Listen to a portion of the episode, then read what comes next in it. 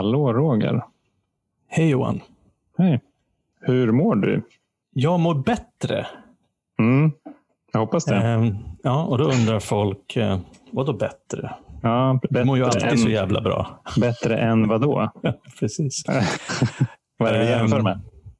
Ja, jag har ju då eh, covid-19 Ja. inne på dag nio nu. Hur men- eh, känns det? Jo, men nu känns det helt okej. Jag, jag tror väl om det, om det fortsätter så här och liksom fejdar bort så skulle jag nog likna det med en ganska lindrig vinterinfluensa med feber och ont i huvudet i princip. Lite tjock i halsen. Men eh, jag, jag, jag hoppas det. Så att eh, det känns väl ganska, det känns ganska bra nu. Mm. Och, Vad skönt. eh, Ja, Jenny eh, är ju också sjuk Mm. med ungefär samma symptom, lite värre än de jag har. Eh, Vi vet inte ännu, hon har inte testat sig än, så att vi får väl se om hon också har corona. Så att det är väl som det är. Men man kan ju säga så här, det tog ändå ett år. Ja, jag har tänkt på det precis. Det tog fan ett år. liksom. Mm. Och då te- alltså, I början när det här kom, sportlovet 2020, Mm. Då tänkte man så här, ja, men det är väl, det här kan ju inte hålla på längre än till sommaren. Nej, det Och var sen nog verkar det ju som- Ja. gränsen alla hade. Sen verkar det ju som att det var över, i princip. Mm. Så har det gått ett helt jävla år innan jag blev, blev smittad. Mm. Konstigt. Och då har ju jag ändå varit väldigt eh, ja, försiktig. Så att jag, Ja. vet, fan, jag vet inte ens, jag kan inte ens säga riktigt när jag har blivit smittad. Jag har varit ute och handlat, jag har varit och kollat mina ögon veckan innan. Och eh, det är väl det. Jag har inte hängt med folk, jag har inte varit på, på häftiga hemmafester. jag kommer läste någon, läste någon sån här artikel om, ah, det var väl uppe i Östersund idag, där, eller vad det nu var, där folk hade festat sig i flera dagar. Och det var någon läkare tror jag som hade uttalat sig om att ja, det spelar ingen roll, man kan inte hålla avstånd, avstånd. Alkoholen börjar flöda och folk är högljudda och snoret börjar spruta. och då tänkte jag så här, fan var det så jag var när jag var full? Att snoret började spruta över högljudd? Ja, Ja. kanske. Mm. Ja, det är ingen, det är ingen charmerande bild direkt. Nej, verkligen inte. Nej, så att... eh, Men vad, hur, hur, hur känns det, alltså förutom liksom hur du mår just nu, men hur, hur känns det att ha liksom fått corona? Jo, men jag vet inte. Jag har ju trott flera gånger under året att jag har fått det. Så på ett sätt Mm. så känns det liksom nästan som en lättnad att jag blivit smittad. Sen så fort jag fick mitt testbesked så att jag var positiv så började jag naturligtvis googla om så här sjukdomsförlopp. Mm. För att då blev jag ju liksom, blev ändå lite rädd för att ja, men jag, kanske, jag kanske råkar illa ut. Och eh, lärde mig. eh, Jag tittar ju faktiskt mest på, på information från, från typ Folkhälsomyndigheten, 1177 och sånt där. Inte mycket Facebook. Men det är Men, där eh, alla experterna finns på Facebook. precis. precis. Nej, men så att det var väl så här att ja, men oftast om man trillar dit i den här värre fas 2 med andningsbesvär och så, så brukar det, som jag kommer ihåg det, ske ungefär dag fem. Så att Mm, jag var ganska nervös där alltså innan, innan dag fem. Nu är jag inne på dag nio och det har bara blivit bättre och bättre. Så att förhoppningsvis. Men det finns fortfarande en liten gnagande känsla av, att, eller känsla, en rädsla att, ja men fan, inte vet jag. Det kanske bara, det kanske bara blir värre plötsligt. Jag har ingen Mm. aning. Mm. Och det är ju som vi pratade lite grann innan inspelningen. Det är så otroligt individuellt och random tydligen. Ja, precis. Det känns bra om jag nu blir frisk den här veckan så kommer det kännas bra. För då känns det också som att, alltså det, det som är lite, lite löjligt och lite skämmigt att prata om.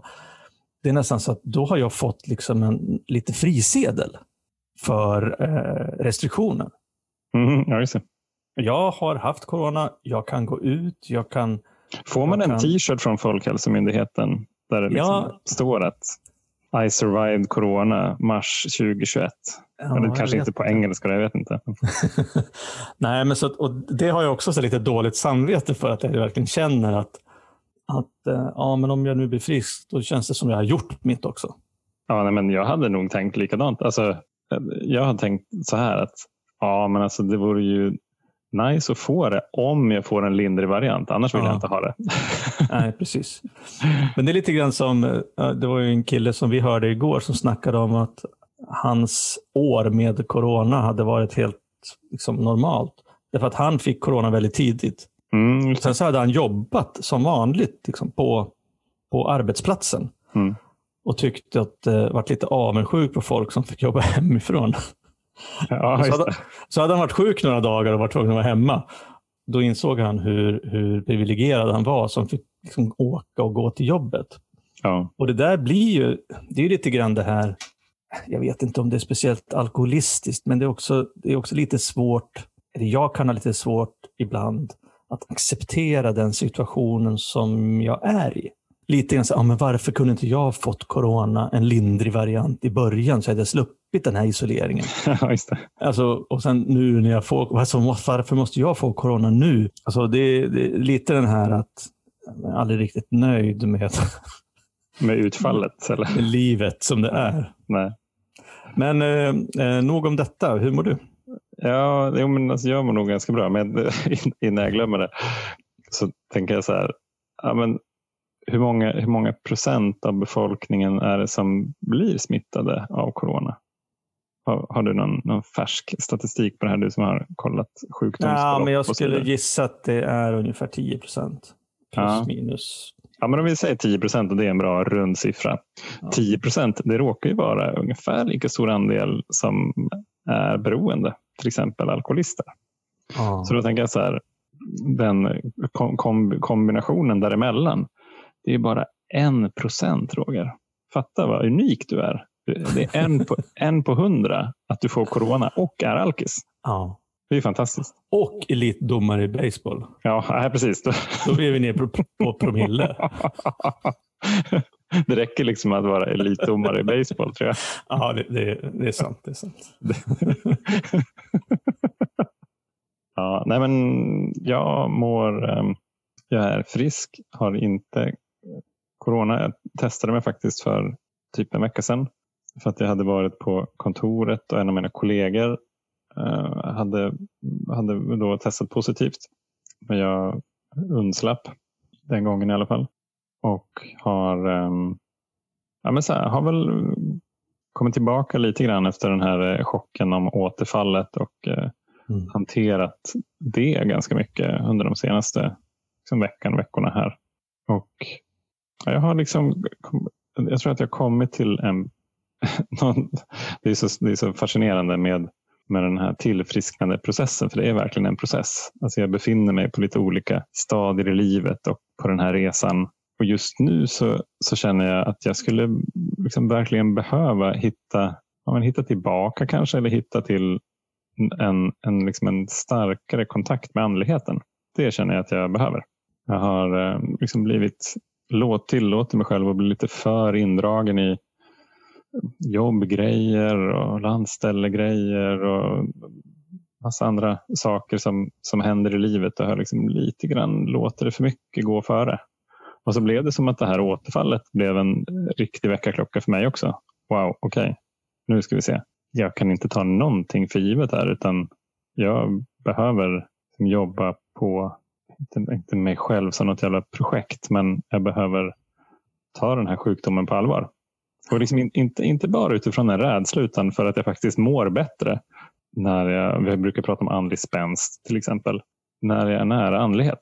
Och det behöver inte vara ett stort jobb. Inte så här, nu ska jag åka på retreat och lämna allt i en vecka. Utan det handlar mer om att här, få in dagliga rutiner på morgonen. Liksom läsa texter, meditera. Alltså bara så, bara be. Vara närmare liksom det andliga. Eh, jag tänker på när du pratar om det här att, alltså just när du pratar om den här tillfrisknande processen. Och jag är så jävla glad att jag har kommit till ett ställe i nykterheten. Ja, jag har väl varit där, men eh, det är väl mer, mer påtagligt ibland just det där att, att jag får lära mig nya saker hela tiden. Och eh, att få insikter om sig själv och hur jag vill leva mitt liv till exempel, eller hur jag vill vara, liksom, även efter en ganska lång tids nykterhet. Jag tycker det är så jävla häftigt att det inte är så här, ja men år ett, då sätter du liksom plattformen och gör måldokumentet och sen så har du bestämt mm. dig för det och sen så kör du på. Och mm, försöker ja, uppfylla de här målen. Alltså det ändras ju därför att, både därför att ja, men kanske har en, en, ja, men andligheten eller kontakt med det andliga gör att jag blir mer öppen. Men också för att jag får som chans, möjlighet att liksom lära mig av, ja, men av dig och alla andra människor i gemenskapen som jag träffar. Och Det som är så spännande nu det är att vi hade ju möte i vår hemmagrupp igår och, och flera av de grejerna som folk pratade om igår vill jag liksom prata om idag. För att jag har lärt mig så mycket. Mm, just det. Och det här är bara på, på ett dygn då? Ja, på ett dygn. Alltså dels det där om den här coronakillen, men också, men också en sak som kille som berättade sin life story sa att han hade fått höra av sin sponsor tidigt i nykterheten att vi kanske inte ska vara för hårda mot oss själva om vi inte är jätteandliga eller om vi inte är supernära programmet. Och vi ska inte jämföra oss med andra utan istället liksom jämföra oss med var hade jag varit om jag inte hade gjort den här förändringen? Mm. Ja, men precis. Det tyckte jag också var väldigt nyktert. Då, då blir, ja, precis. Och då blir det ju en avgrund. Mm. Ja. Alltså där jag är idag och där jag, om jag försöker ens liksom föreställa mig om jag ens hade levt, eh, mm. typ nästan ja, 14 år senare, vad jag hade varit då om jag hade fortsatt som jag gjorde innan jag slutade. Och då inser jag att också dels att jag är så jävla glad att jag lyckades ge upp, släppa mm. taget, liksom sluta kämpa mot alkoholen och sen också har haft ett öppet sinnelag som gör att jag, att jag liksom har tagit mig till ställen, både andligt, emotionellt och fysiskt, materiellt, liksom, under de här åren. Alltså jag tycker det där är det är grymt intressant det där. För att, jag menar, om jag har mig själv då i det aktiva som liksom baseline, som jag, om jag nu ska jämföra, så jämför jag med det. Mm. Då är det klart att då har det skett en jättestor förändring. Så då kan jag någonstans vara vet inte, nöjd kanske. Eh, till skillnad från att jag går runt och jämför mig med, med andra som jag kanske tycker är eh, gurus på nykterhet eller någonting. Men samtidigt så är det också så att jag, jag vill ju inte att min, liksom min utveckling och mitt utforskande och mitt lärande av livet heller stannar av. Liksom för att jag, ja, ja, men det är ändå bättre än vad det var förut. Ja, ja, ja. Och jag menar, om du extrapolerar den här nedåtgående kurvan som du var i. Det blir ju skit. Dels är det jävligt svårt. För att om du, det är, det är ungefär som att räkna med inflation. Värdet av Roger 2007. Och så med inflation och några penningpolitiska medel.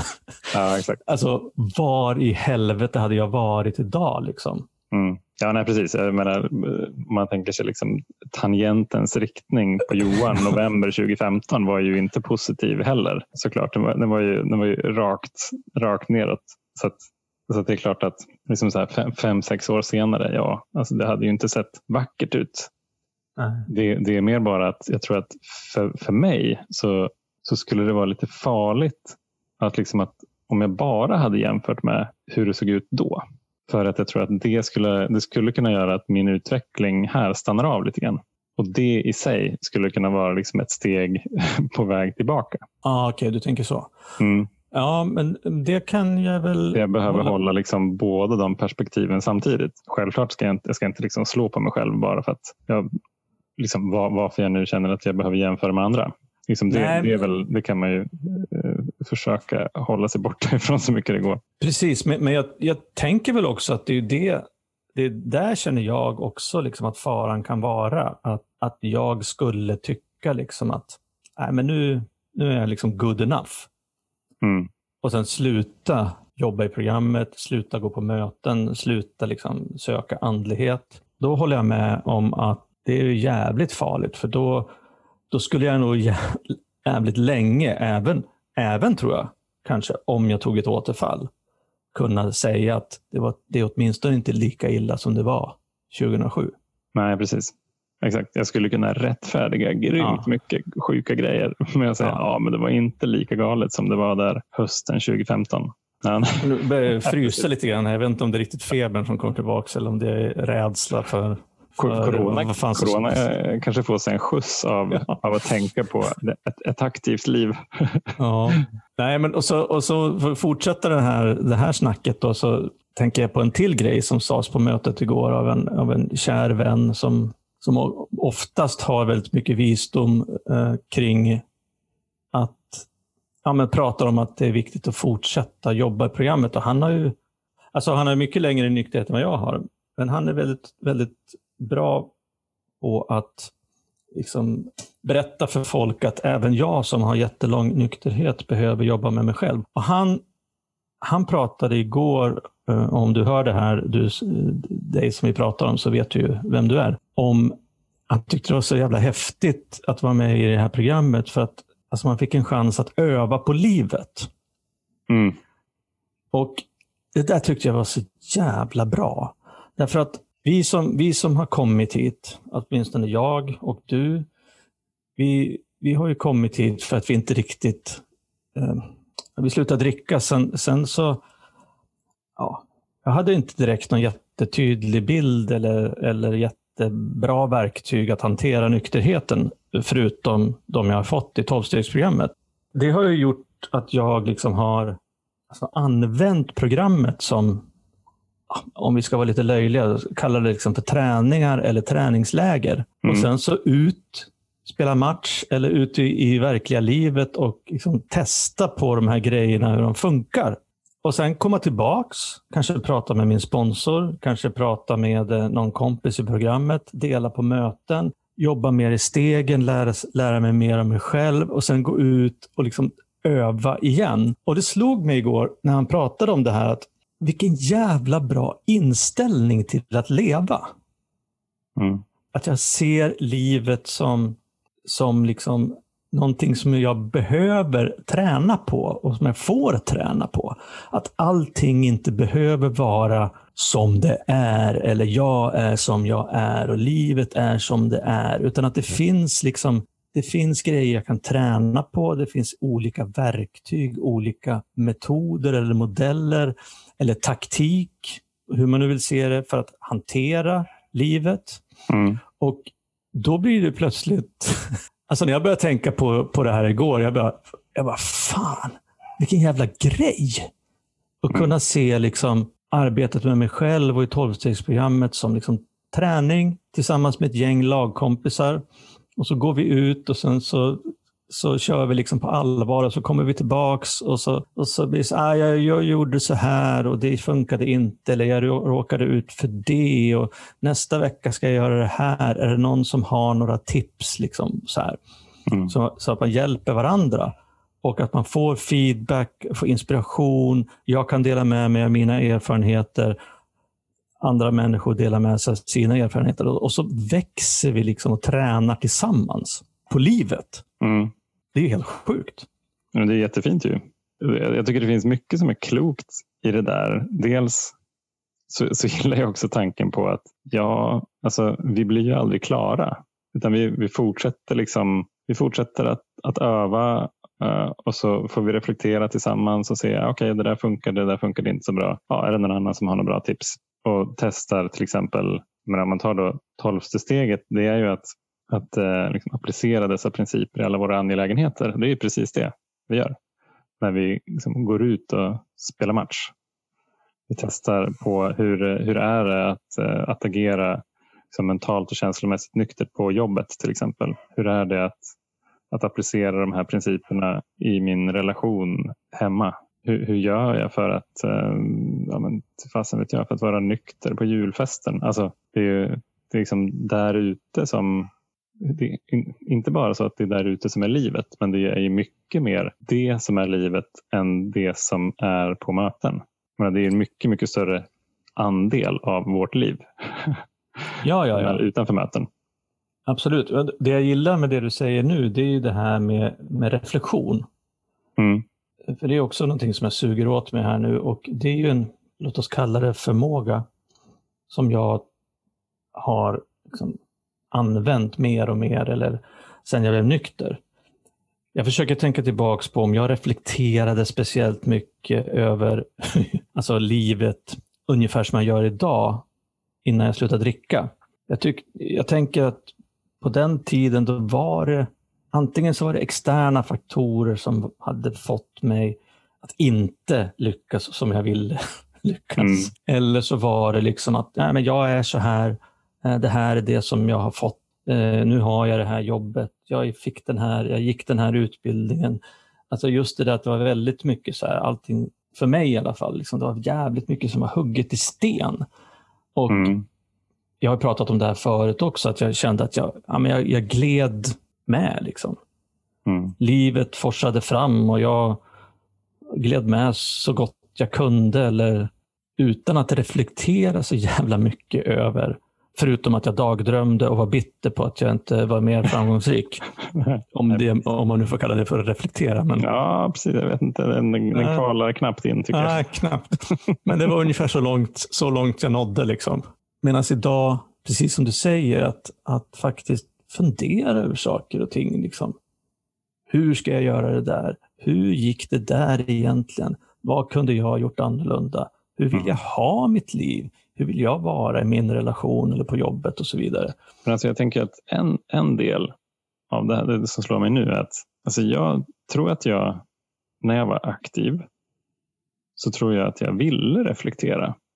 Eller så här, jag ville vara en reflekterande person. För jag, det, var, det var någonting som jag såg upp till hos andra som var reflekterande personer. Och så tänkte jag att ja, men det där ska jag vara. Men det är ju jävligt svårt att vara reflekterande när jag förnekar så mycket som jag gjorde. Alltså jag sätter ju liksom upp en, en, en mur, en fasad mellan mig och liksom det reflekterande eftersom det finns så mycket som jag inte själv vill se. Det är ju jättesvårt att vara liksom helt, helt reflekterande och ärlig i en del av livet men vara helt stängd i en annan. Alltså det, jag, eller jag fixar inte det i alla fall, andra kanske gör det. Men jag tror att det var, det var nog därför som dels så tyckte jag att det inte gick och eftersom det inte gick så bra så trodde jag nog, tyckte jag nog att det var trams. Alltså jag tänker nog att jag trodde att jag var en jävligt fin och smart reflekterande person när jag var full. Alltså fan vad jag kunde och ville liksom vara djup och utforskande och, och eh, också liksom sätta ord på drömmar och bla bla bla hit och dit och vara jävligt Ja, men jag var oftast, eh, ofta, ja, men ofta liksom vänlig och kärleksfull liksom på fyllan också och tyckte att det var så jävla härligt att få sitta liksom och prata eh, om riktiga grejer, känslor på fyllan. Mm. Och reflektera över liksom saker och ting. Men det hände inte speciellt mycket. Det var ingen verkstad det direkt. Nej. nej, nej, precis. Ja, det är ju alltså en del av den där reflektionen. Jag kommer ihåg att när, när jag först när jag hade varit nykter i kanske bara några månader så gick jag en meditationskurs. Eh, och Det var någonting som jag hade tänkt göra liksom länge i det aktiva, för jag ville nog vara en person som mediterade. men, men jag vågade aldrig göra det, för jag var så sjukt rädd för vad jag skulle hitta. Så då blev det sen ett verktyg som var aktuellt för att jag hade gett upp. Jag, jag, var så här, nej, jag vill inte förneka något mer, utan jag vill faktiskt ta reda på, liksom utforska, lära mig mer. Så, att, så för mig i alla fall så, så funkar det liksom bara att meditera och reflektera om jag genuint vill det. En annan grej som jag, som jag tänker på är en, en kollega till mig, Andreas, han brukar prata om någonting som han kallar för projektparadoxen. Och det är liksom det, liksom det, det konstiga förhållandet att de, i början av ett projekt så är det ofta så att vi behöver ta ganska stora beslut eh, med eh, alltså hyfsat lite kunskap egentligen. Och sen så ju längre, ju längre vi kör projektet, desto mer lär vi oss. Och sen så precis innan projektet är slut, då har vi som absolut mest kunskap och är liksom bäst skickade att ta beslut. Vad, vad har det här med saken att göra? Jo, det kopplar till den här öva på livet. Om jag hela tiden ser liksom, livet som en övning, någonting som jag kan bli bättre på. Inte ett projekt som, som tar slut. Så till exempel, jag, jag kan inte göra de tolv stegen och sen är jag klar. Utan det är en process som fortsätter. Ja, men det innebär ju att om jag fortsätter så kommer jag förmodligen att bli klokare och klokare, ta, ta klokare beslut till exempel för mig i mitt liv eftersom jag kommer närmare mig själv. Jag får en, jag får en ökad kunskap om mig själv. Eftersom projektet aldrig tar slut så liksom upplöser vi ju paradoxen så att säga. Ja, precis. Jag tänker också att det är, alltså för mig åtminstone, att det är som en alltså, positiv spiral.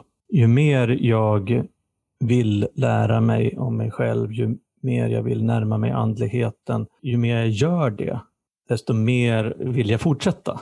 Mm, absolut.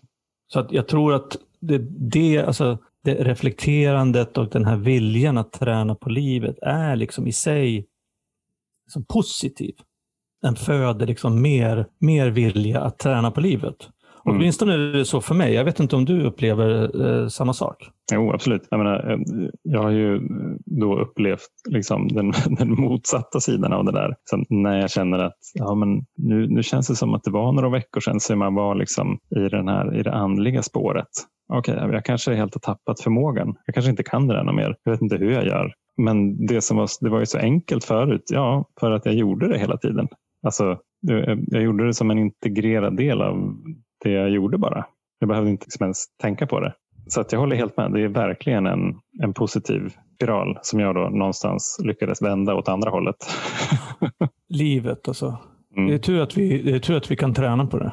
Ja, det är jättetur att vi kan träna på det och att vi kan få till exempel hjälp av andra att få syn på oss själva. Vi kan få, ja, här, få feedback, precis som du är inne på. Få, men vad fan, skratta lite åt oss själva. Liksom, när, när någonting går helt tok så är det ju faktiskt rätt kul ändå. Med, med lite distans till det. Det kanske inte är så jättekul i stunden när någonting går åt helvete. Men, men det var väl, vem var det som sa det? Jag kommer inte ihåg. Men eh, att eh, tragedi plus tid lika med komedi. Mm, just det. Den, eh, den gillar jag.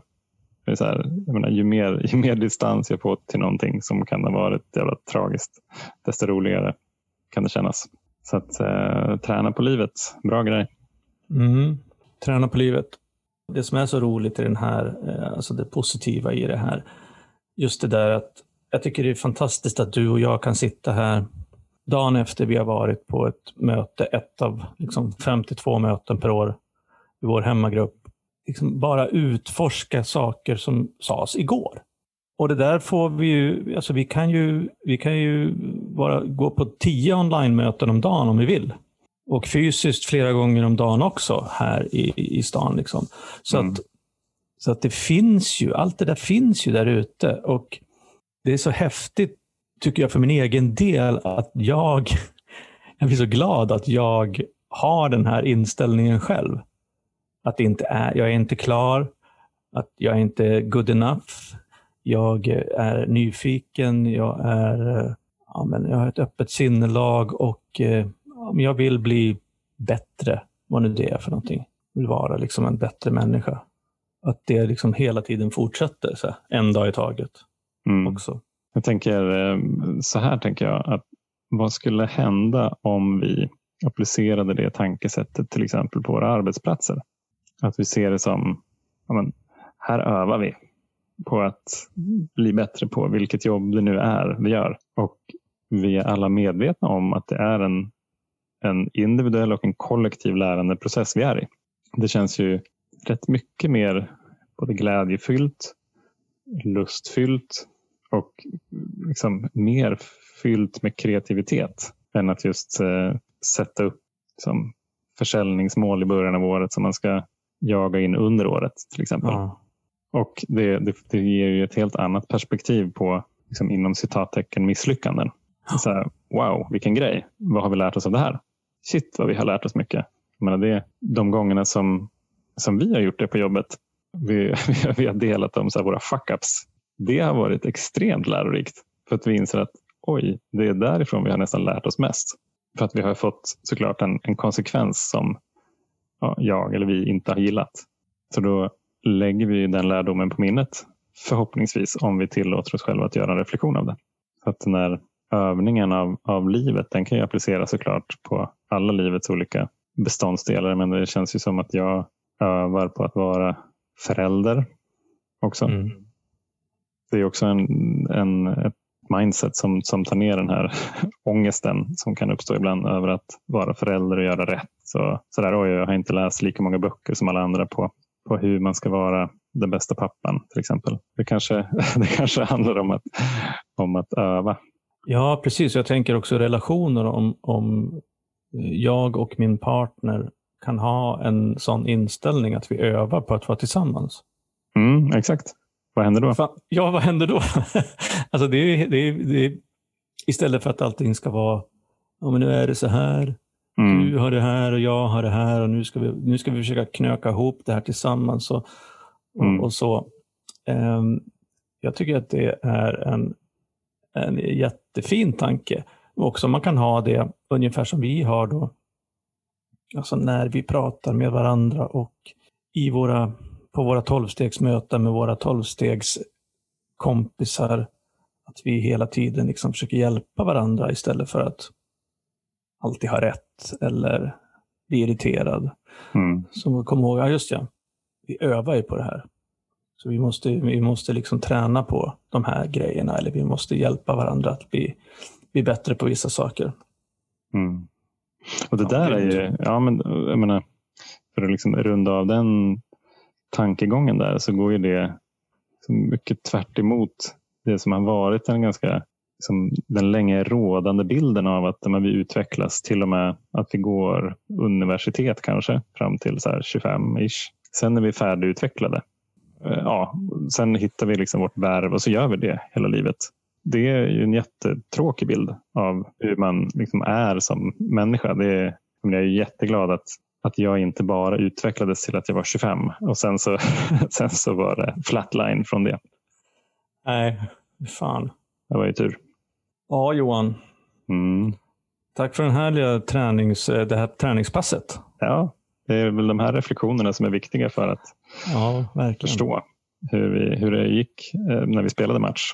Ja, underbart. Jag hoppas att vi när vi pratar nästa gång att du är helt frisk förklarad här också från covid-19. Det får vi hoppas.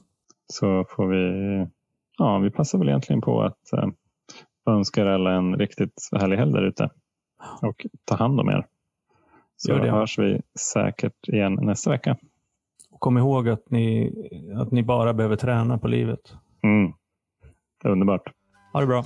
Ha det bra. Hej. Hej.